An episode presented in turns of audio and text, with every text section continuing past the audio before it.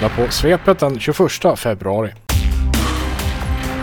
Och vi ska börja med polisanmälan mot Bildningsförbundet för nu har utredningen inletts. Vi hör poliskommissarie Tommy Törnros. Ja, så vi har ju då haft utredningen eh, i röret en, en, längre period. Alltså vi har tagit emot anmälan och eh, börjat processa den. Och det arbetet fortskrider. Det som väl är nytt nu så är att jag har tillträtt som förundersökningsledare från och med februari i de här ärendena. Har ni hittat några pengar någonstans? Vi söker efter, som sagt, man brukar vara lite skojsamt säga i många filmer och i annat att follow the money och det stämmer väl även till stor del för oss i det här. När vi pratar ekonomiska brott såklart så söker vi ju pengarna.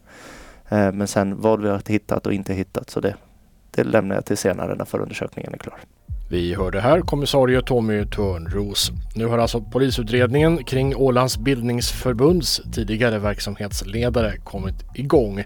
Många frågor lämnas obesvarade. Om det finns några misstänkta, om det finns några pengar undanstoppade någonstans och hur polisen nu styr utredningen vidare. Allt det här omfattas av förundersökningssekretess. Men Törnros bekräftar att utredningen är igång och att den kretsar kring den person som polisanmäldes.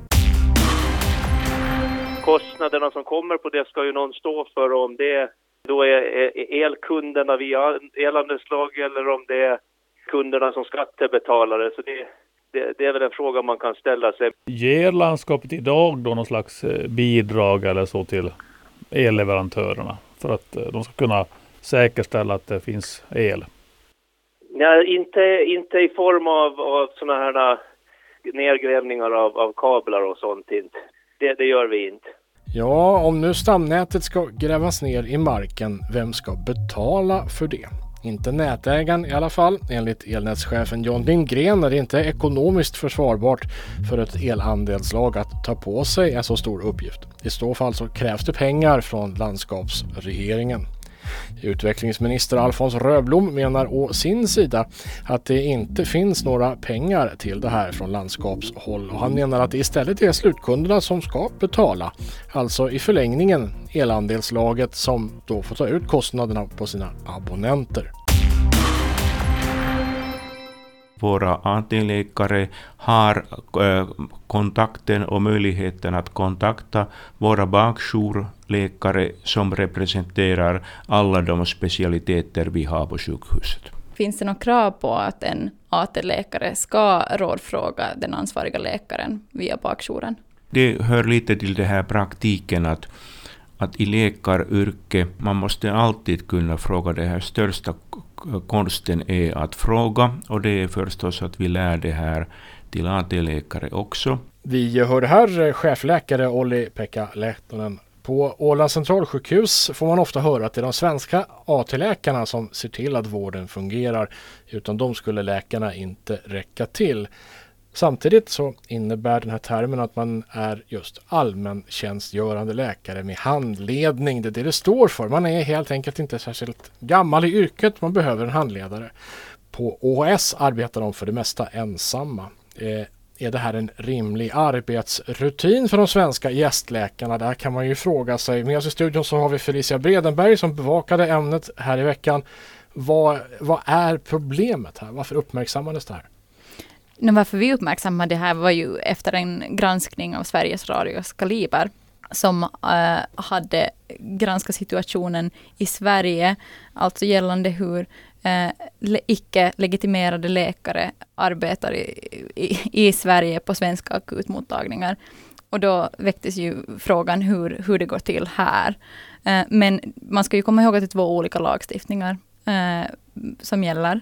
Och eh, då Olli-Pekka Lehtonen som jag har pratat med, chefläkare vid OHS, så han säger ju att de följer lagen, eh, den, den finländska lagstiftningen helt, helt och hållet här. Alltså här måste icke-legitimerade lä läkare jobba under tillsyn och ledning av en legitimerad läkare, men den behöver då inte nöd nödvändigtvis vara på plats, eh, så som fallet är då i Sverige för icke-legitimerade läkare. Mm, Okej, okay, så vi har ett, ett, extra hängsle på oss då så att säga? Mm, ja, så har jag förstått det. Mm. Men har de den här handledningen då? Finns det någon som de kan ringa eller Jo, mässa eller? Eh, det finns ju bakjourer, vilket då man, man genom eh, vi- vilket man genom får kontakt med alla de olika eh, speci alla de olika eh, specialområdena. Eh, så det finns ju eh, möjligheter att få, få hjälp och rådgivning för AT-läkarna. Visst gör det det. Mm. Men är, är det värt det då? Vi får hit folk som är nästan, nästan färdiga läkare. Eh, och vi kan bemanna sjukhuset. Men får man tillräcklig kvalitet på vården då? Är det här mätt på något sätt? om det är mätt, ja, det, det kan jag faktiskt inte svara på.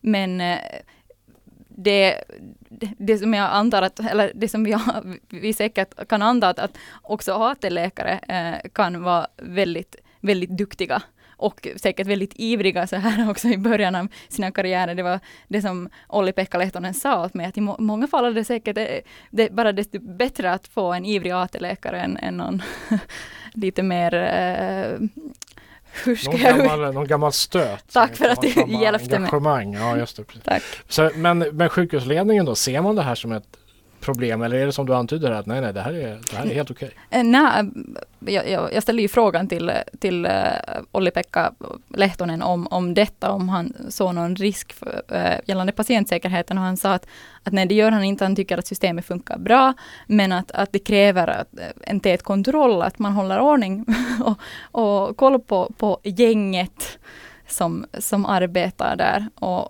och jag tror nog att, att det funkar bra. Alltså Sveriges Radio, när de hade gjort den här granskningen, så då hade de ju hittat väldigt eh, sorgliga exempel på när det har gått fel. Det var till exempel en, en tvåårig pojke som hade eh, skickats hem från akuten tre, tre gånger och som sen visade sig ha leukemi. Han klarade sig, men, men, det, men eh, det visar ju på problemet. När, alla de här gångerna hade han då blivit, fått vård av en icke-legitimerad läkare som ju inte hade eh, begärt hjälp av, av någon. Så att det, visst kan det ju finnas risker men, men eh, det kan det ju alltid finnas med, inom, inom vård och omsorg. Mm. Så det kommer man kanske aldrig någonsin ifrån. Gamla omsorgsförbundet hade, hade ungefär 140 anställda. Eh, nu när man tar in då det här med barnskydd och handikappservice och missbrukarvård och så vidare så, så kommer det 50 personer till i organisationen. Så det blir 190 personer. Alltså, och det är de här, 100, de här 50 personerna som ska då implementeras i organisationen och det är ett jättejobb i sig. Flera uppgifter, missbrukarvård och handikappservice. Det och andra kommunala uppgifter ska ju överföras från kommunerna till Kommunförbundet KST.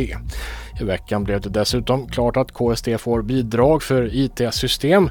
Ett eh, krav för att kunna driva någon verksamhet överhuvudtaget och att 50 personer flyttas över från kommunerna till KST. Exakt var de ska sitta och jobba det har man inte bestämt än men förmodligen från ett kontor centralt i Mariehamn även om man siktar på att ha filialer framförallt i kommunerna. Egentligen hur man ska fortsätta som självständig församling i Hammarland eller fråga någon annan församling om, om man ska liksom sitta en gemensam framtid istället. Där, där vill vi lite se hur Hammarläkarna tänker i den frågan. Och då är det Eckerö som ligger närmast till hands då. Det kanske är så, men det, det räcker ju med att Hammarland vill det. Det måste ju alla vilja. Alla inblandade måste vilja det i sådana fall. Hammarlands församling har svårt att få ihop folk till sin verksamhet och nu ligger alltså nära till hands att slå ihop församlingen med en annan, exempelvis den i Eckerö. Och vi hörde här Hammarlands kyrkoherde Jon Lindeman.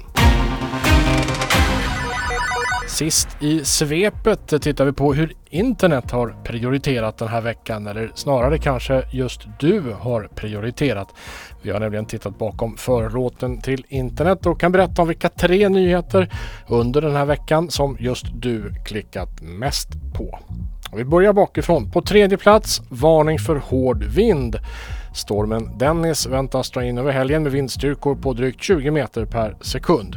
Och Mariehamns räddningsverk uppmanar ålänningarna att se till sina båtar och plocka undan lösa föremål. Man ska också tänka på hemberedskapen i händelse av strömavbrott, detta enligt deras Facebook-sida. På andra plats, nu är polisen klara med utredningen av skolskjutningshotet. Det blev inget rättsligt efterspel. Hela hotet var ett skämt, om än ett väldigt ansvarslöst sådant. Och så på första plats, juniordomare fick lämna planen. Det var en match i den åländska innebandyserien i onsdag som slutade med att en åländsk juniordomare fick utstå hårda ord från en eh, erfaren ledare efter slutsignal. Domaren skulle egentligen ha dömt ytterligare två matcher samma kväll men valde att lämna hallen efter händelsen. Det här var topp tre. Det är också slut på svepet för den här veckan. Lyssna på oss igen nästa fredag.